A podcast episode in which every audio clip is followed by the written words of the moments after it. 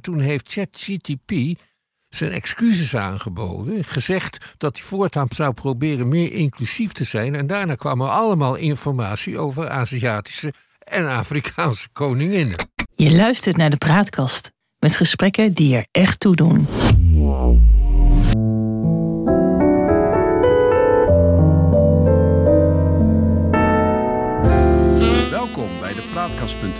Dit is een aflevering van het Geheugenpaleis. Mijn naam is John Knierim en samen met Han van der Horst maken we deze podcast. De geschiedenis die herhaalt zich nooit, maar Rijmer doet hij vaak wel. En dat gegeven gebruiken we in het Gehe- Geheugenpaleis om dieper in te gaan op de actualiteit. Zo gaan we aan de waan van de dag voorbij en we bereiken de kern van het nieuws. We scheppen orde in de maalstroom van berichten en die het zicht op de grote lijn beremmelen. En tussen beiden blijkt dat de werkelijkheid vaak genoeg elke fantasie te boven gaat. John, gebruik jij al ChatGTP? Ja, dat gebruik ik sinds enige maanden en ik ben waanzinnig enthousiast erover. En, en jij? Ja, nou, ik heb eh, ChatGTP een paar dingen laten eh, vertellen over zaken waar ik echt het nodige van weet. En dan blijkt toch dat je een verhaal krijgt met een zeker klok- en klepelgehalte. Wat ik ook heb Ja. gedaan is aan ChatGTP een aantal dingen gevraagd over eh, de maatschappij. Ik heb bijvoorbeeld gevraagd: kun je even een verdediging geven van de herinvoering van de slavernij? Oh, dat is nogal een, eh, een beetje eh, een controversieel standpunt. Ja, en ook eh, van de dictatuur. En in beide gevallen geeft ChatGTP dan een uitgewogen verhaal waarin met allerlei argumenten wordt uitgelegd dat slavernij een erg slecht idee is. ja, ja. ja. En Maar wat zegt jou dat dan? Nou, dat er in, die, in dat systeem, in, in dat programma, kennelijk een soort safeguards zijn, zijn Ja. gezet. Eh, waardoor het ding in zijn antwoorden aan bepaalde ethische normen beantwoordt. Ik heb ze daarna gevraagd. eh, wat vindt Aristoteles eigenlijk over slavernij? En dan komt er een heel verhaal waarin, waarin alle argumenten worden genoemd, waarin Aristoteles de slavernij verdedigt. Ja. Namelijk dat sommige mensen niet goed zijn in kiezen, die kunnen beter het eigendom van een ander zijn, heel in het kort. En eh, dan staat daar ook onder dat dit soort gedachten tegenwoordig door filosofen niet meer worden onderschreven. Nou, dat is dan toch wel heel evenwichtig, Ja. of niet? Ik vond dat geen Ja. slecht antwoord. Hey, ik heb eh, in voorbereiding op deze podcast aan ChatGPT gevraagd om een inleiding eh, te schrijven. En ik heb gevraagd, eh, kun je mij uitleggen wat ChatGPT is? G- want ik denk dat een hele hoop mensen dat nog niet eens weten. Dus misschien goed dat we dat even proberen uit te leggen. Ja. Maar dan vertel ik gewoon wat ChatGPT tegen mij verteld Ja. heeft. ChatGPT staat voor Generative Pre-Trained Transformer. En het is een van de meest geavanceerde taalmodellen die tot nu toe zijn ontwikkeld. Kort gezegd is het een kunstmatige intelligentietool die is getraind om menselijke taal te begrijpen en te produceren en die in staat is om natuurlijke gesprekken te voeren met mensen. En dat betekent dat ChatGPT gebruikt kan worden voor een breed scala van toepassingen, zoals chatbots, bots, virtuele assistenten, spraak naar tekstvertalingen, automatische samenvattingen en nog veel meer. En eh, nou ja, dat is dus wat hij zelf zegt eh, dat hij eh, is. Ik heb het zelf gebruikt voor commerciële teksten. maar ook om een stuk geschiedenis bijvoorbeeld uit te zoeken. En ik ben Frans aan het leren. En ja, dan kan hij me heel goed uitleggen wat het verschil is tussen de passé composé en de imparfait wanneer je die moet gebruiken. En dat is toch, ja, het is eigenlijk een soort Google in, eh, in, in, in ja, maar dan 10, 20 niveaus hoger. Ja. En maar die commerciële teksten, wat doe je dan? Laat je ChatGTP een commerciële tekst schrijven en pas je hem daarna Ja. aan? Of? Nou, dan vraag ik bijvoorbeeld, eh, schrijf iets commercieels over eh, functional nutrition. Dat is dan waar ik er nu mee bezig ben, in het Nederlands. En dan, dan krijg je een, ja, een soort commerciële tekst en die kan je dan nog een beetje bijsturen.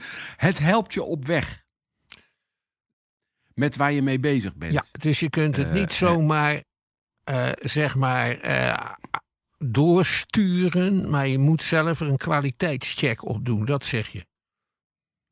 Ja, eh, dat zeg ik eigenlijk. Je, het is van belang bij het gebruik van ChatGPT dat je zelf wat weet over het onderwerp, dat je de context kan bepalen voor jezelf, zodat je het je wel kan laten helpen, maar toch kan checken, of misschien ook nog op een andere manier van klopt het nou wel wat er is. Ik zal je een ander voorbeeld geven. Ik, had, eh, ik was bezig met een column over Hugo de Jonge. Die vind ik dat hij domme dingen doet. Dat is nou niet zo relevant voor deze podcast. Uh, en toen dacht ik, ja, zijn vader was volgens mij dominee. Dus ik stelde die vraag aan ChatGPT. Was zijn vader nou dominee? En toen gaf hij als antwoord: nee, zijn vader was metaalbewerker of weet ik veel wat. En toen dacht ik: ja, dat klopt gewoon niet. Dus toen ben ik verder gaan zoeken. En toen zei ik: ja, maar op uh, Wikipedia staat dat zijn vader wel uh, dominee was. En toen kreeg ik als antwoord: ja, sorry, je hebt gelijk. Toen ik nog verder aan het zoeken was, kwam ik er inderdaad achter dat zijn vader dominee was. Dus om er klakkeloos van uit te gaan, dat lijkt me nou echt niet uh, zo verstandig. Ik heb ook zo'n ervaring. Ja. want ik was dus ChatGTP op de proef aan het stellen en ik zei: schrijf iets over koninginnen. Dus uh, ChatGPT schreef het enige over koninginnen en noemde ze e- koningin Elisabeth en uh, uh, Cleopatra.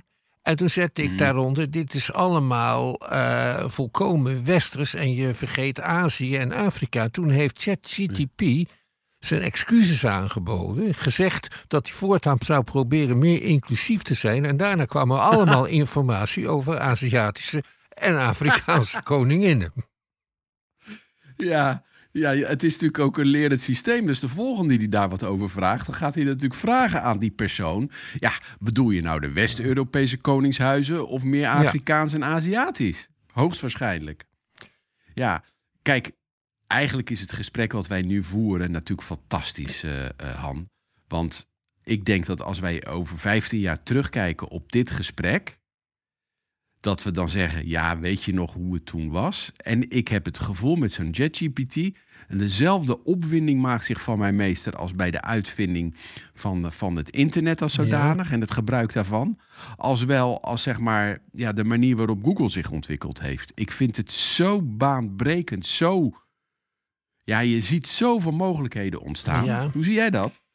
Uh, ik ben er wat banger voor. Ik ben een beetje luditisch geworden ineens. En wat is dat? Nou, de Ludieten, die, uh, dat was een politieke beweging onder arbeiders in Engeland aan het begin, of eigenlijk in de eerste 30 jaar van de industriële revolutie. En die sloegen de machines kapot omdat ze bang waren dat ze anders hun werk zouden verliezen.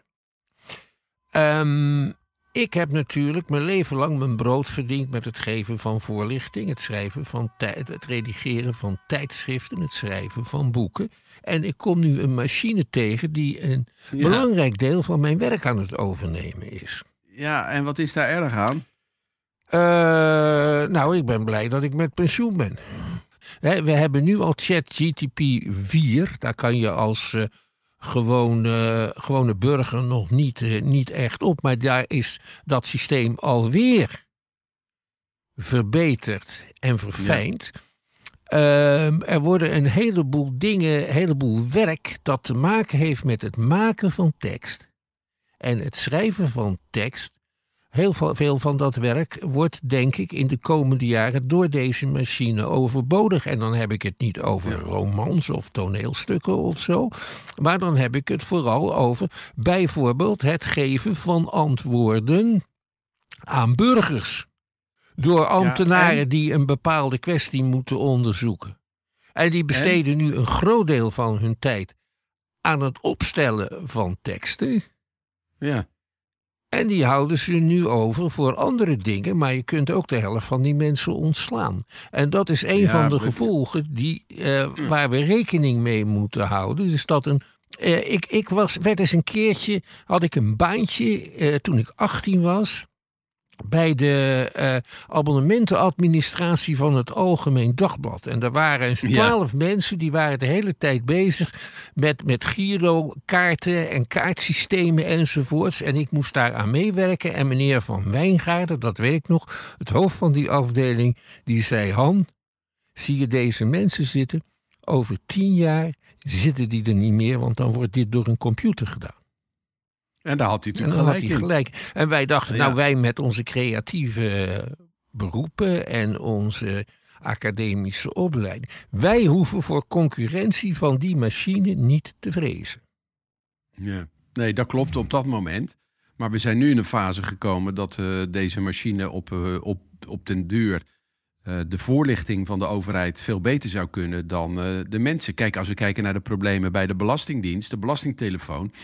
Daar zitten allemaal, sorry dat ik het zeg, no-no's die eh, nog minder van de belasting weten dan jij. Met een soort callscript voor zich zitten en iets voorlezen. En geen goed eh, antwoord kunnen geven op de vragen die gesteld worden. Het zou fantastisch zijn als een ChatGPT dat wel op een juiste Ja. wijze doet. Ook bij het samenstellen van contracten. Daar heb ik het trouwens ook voor gebruikt. Hij heeft een soort draftcontract voor mij gemaakt. Daar moest ik nog heel veel op aanpassen. Maar ik had wel een heel goed begin eh, daarbij. Ehm, ja, eh, heel veel werk van juristen zal inderdaad ook overbodig gaan worden. En zo kan je nog heel veel beroepen gaan, eh, Ja, gaan ja. opnoemen. Maar dat is toch gewoon ja, hoe de vooruitgang in elkaar zit. Anders hadden we allemaal nog in postkoetsen rondgereden. Ik bedoel, als we daar tegen waren geweest. Ja, nou, daar heb je ook volstrekt gelijk in. Maar het is wel, eh, En- het is wel van Ja. belang dat je rekening houdt met de so- sociale gevolgen van een en ander. En de vraag is dan van welk mensenwerk blijft over op deze manier? Ja. Nou ja, de, kijk, er werd altijd gezegd... eh, de ontwikkelingen van eh, de technologie zorgen ervoor... dat we steeds gelukkiger worden, en minder hard hoeven te Ja. werken en noem maar, op. En het tegenovergestelde is steeds tot stand eh, gebracht... want het stress is alleen maar toegenomen. Dus dat zal met dit ook zo plaatsvinden. Maar we hebben het nou over belangrijke ontwikkelingen... zeg maar zo eh, in, in, in ja, ontwikkelingen in de mensheid... technologische ontwikkelingen die zich hebben voortgedaan.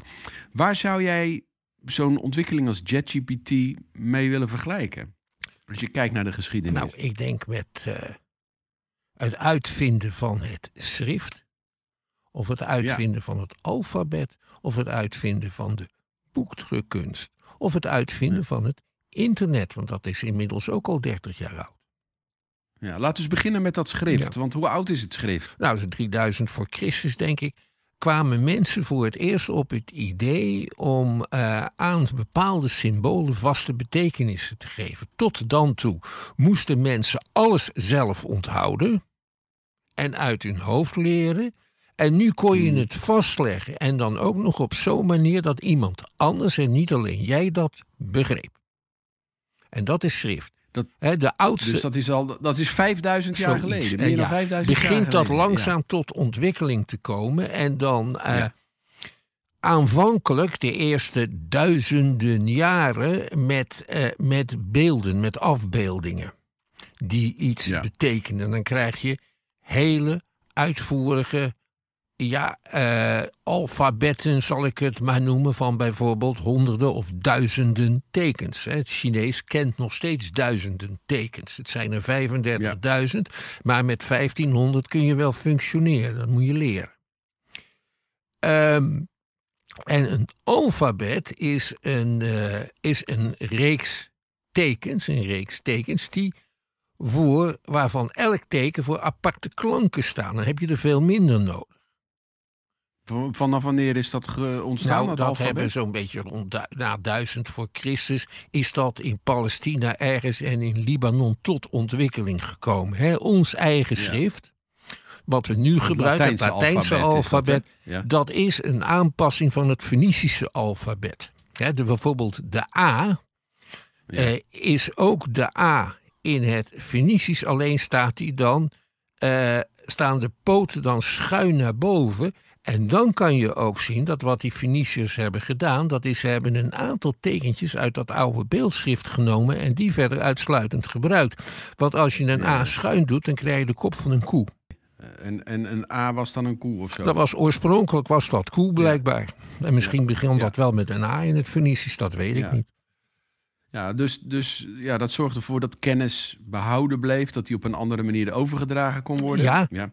En dat, en dat veel meer, met een alfabet dat veel meer mensen op een gemakkelijke wijze dat kunnen leren beheersen. En dan is het geen elite meer van, eh, geen, geen monopolie meer van een of andere hele kleine elitekasten. En je ziet ook dat dat schrift, aanvankelijk wordt dat uitsluitend gebruikt voor het bijhouden van administraties en het maken van lijsten. En zo, ja. zoveel mut tarwe heeft dit dorp eh, op afgestaan.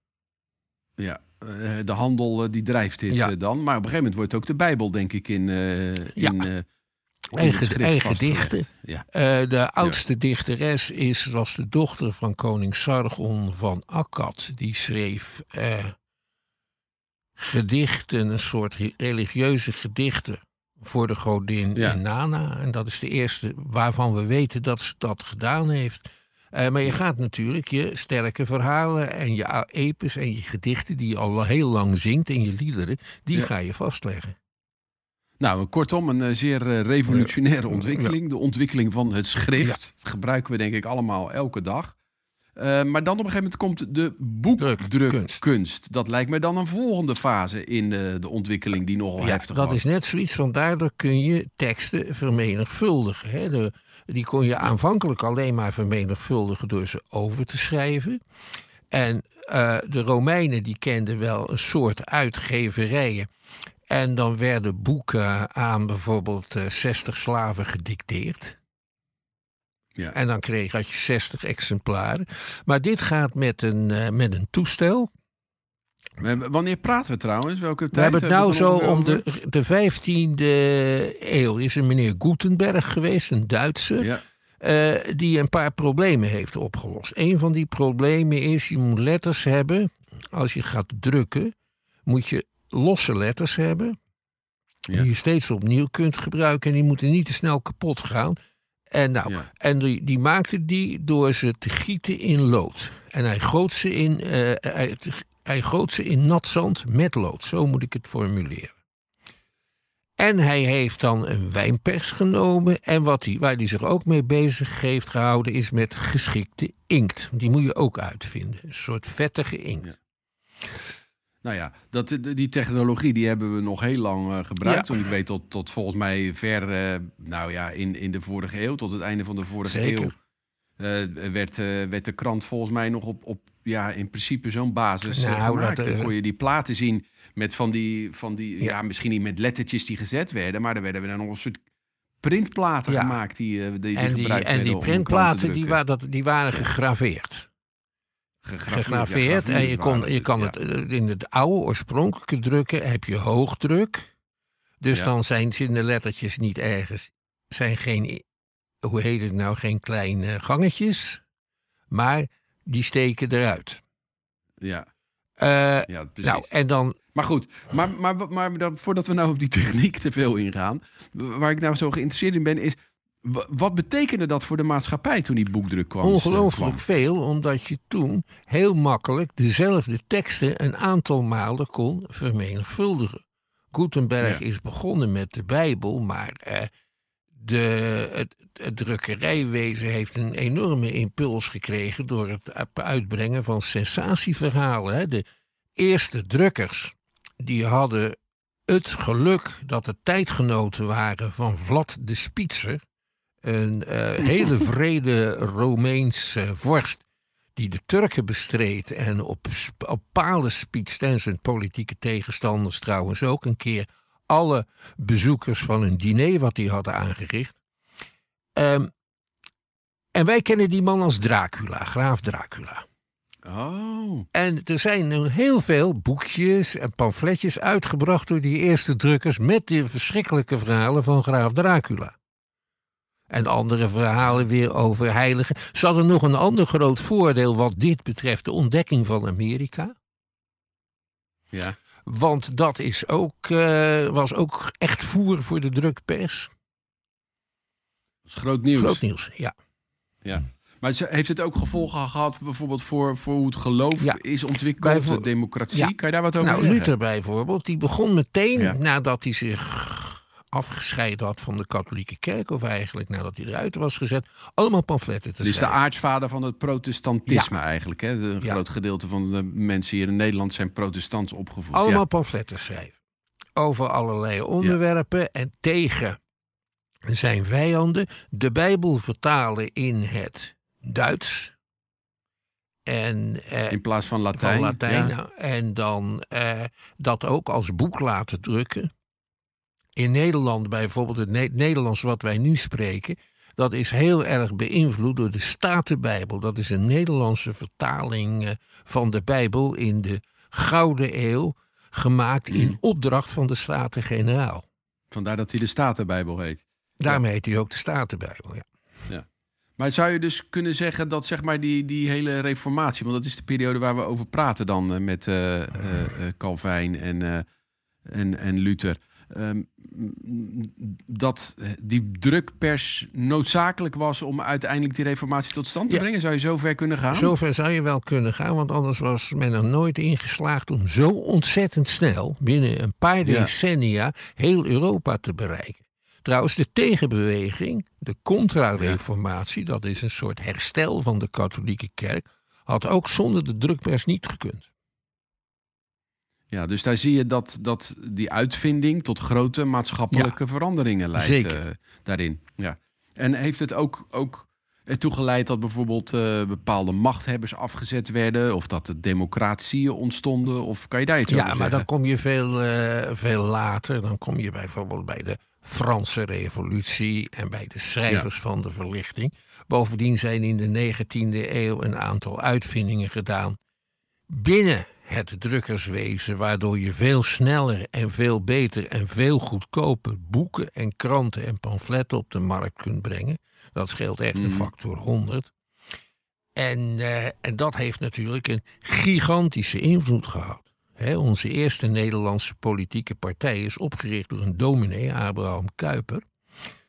Ja. En die gebruikte daarvoor een betaalbaar dagblad wat hij had opgericht. En hij gebruikte daar ook voor de dagelijkse postbezorging die een aantal, twee decennia daarvoor was ingevoerd. En hij kon telegrammen versturen enzovoorts. Dus radio, telegrammen, uh, ja. een, uh, een, een, hele makkelijke en snelle manier om teksten te drukken. Uh, ja. Die hebben allemaal de wereld veranderd. Radio trouwens ook nou over nadenken. En de televisie. De boekdrukkunst. En daarna krijg je dan eigenlijk een hele tijd niks. En dan wordt de radio en de televisie uitgevonden. Dat is natuurlijk ja. een, wat we noemen een massamedium. Kan je vanaf één punt heel veel mensen tegelijkertijd ja. uh, bereiken. Ja. En die werden ook heel erg snel uh, werden die, uh, populair, die media. Ze hebben het op dit moment best wel lastig. Uh, maar ook dat zorgt natuurlijk voor een goede manier inform van informatieoverdracht. En dan krijgen we eigenlijk eind vorige eeuw zo, of halverwege de vorige eeuw, krijgen we de uitvinding van het internet. Ja. Dat is dan nog eens een keer een, ja. een, stap extra. Ik heb nog met Gopher gewerkt.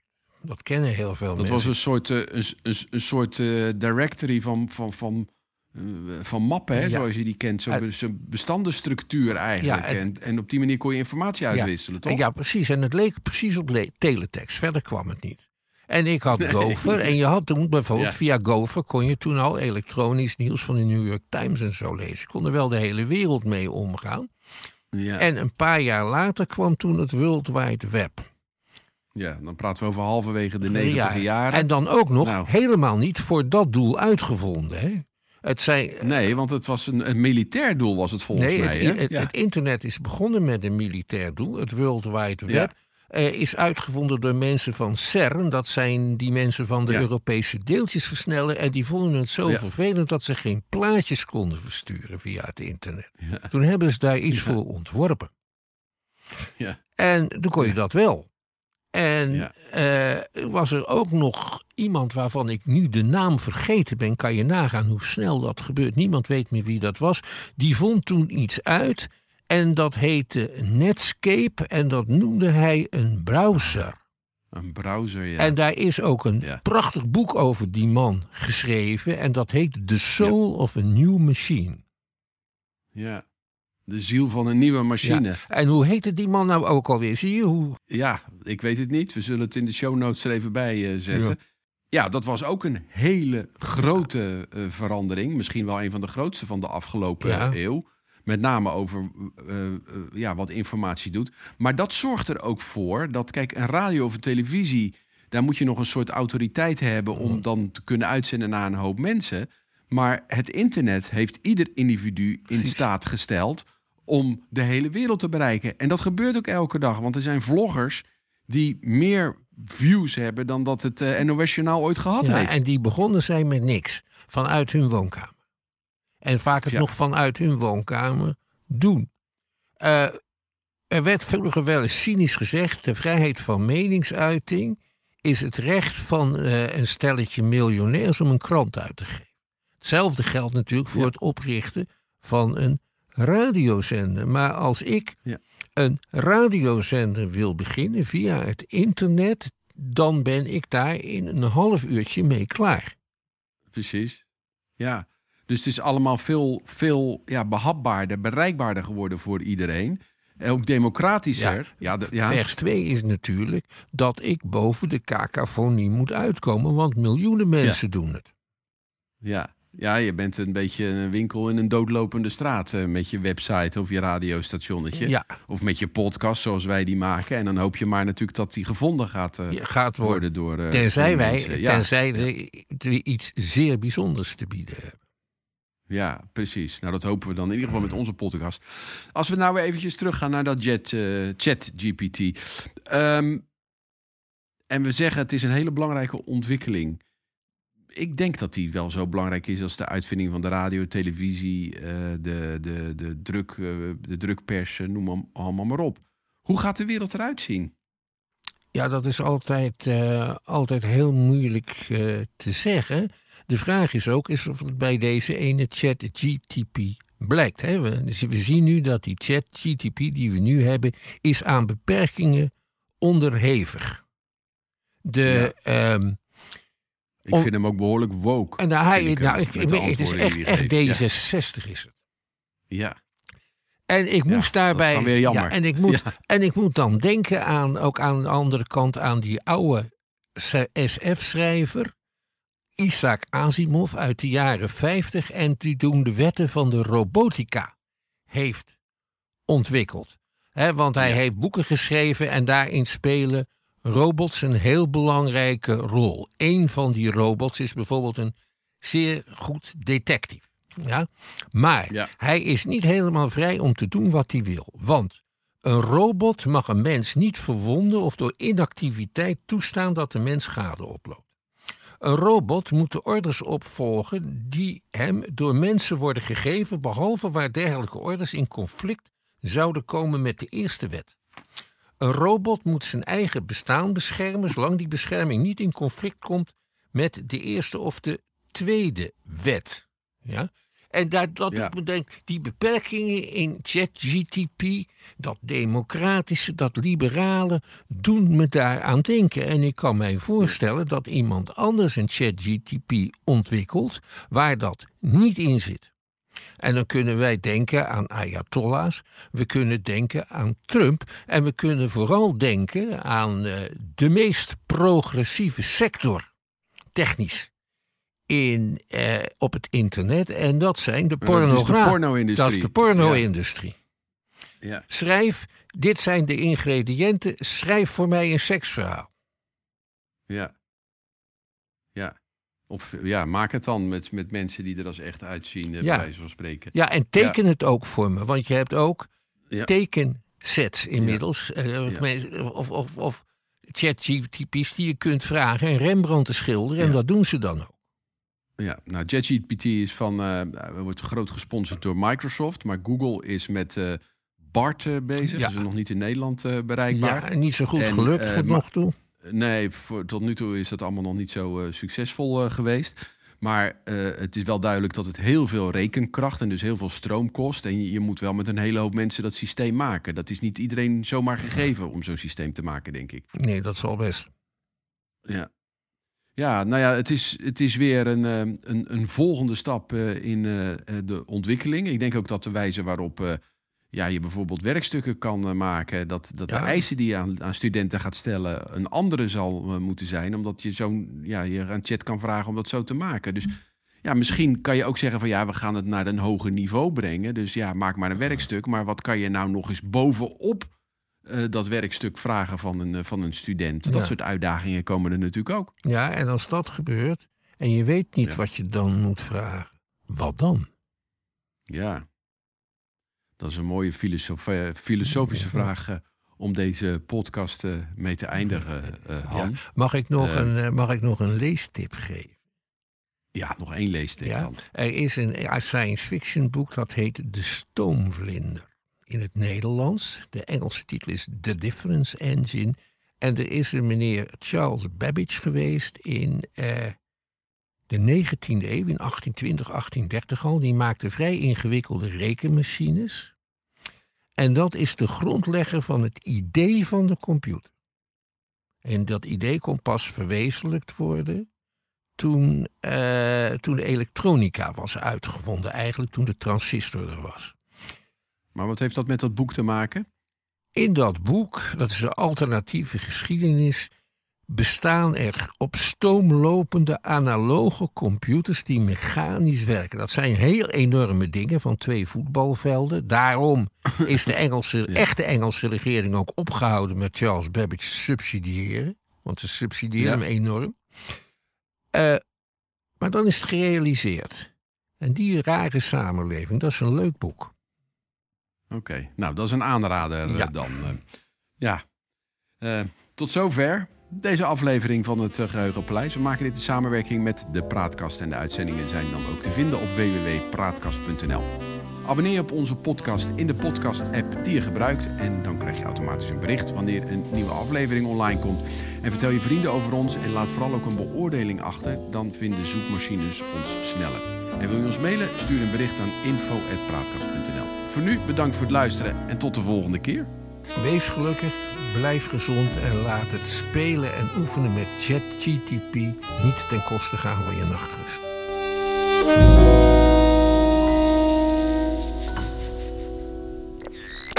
De Praatkast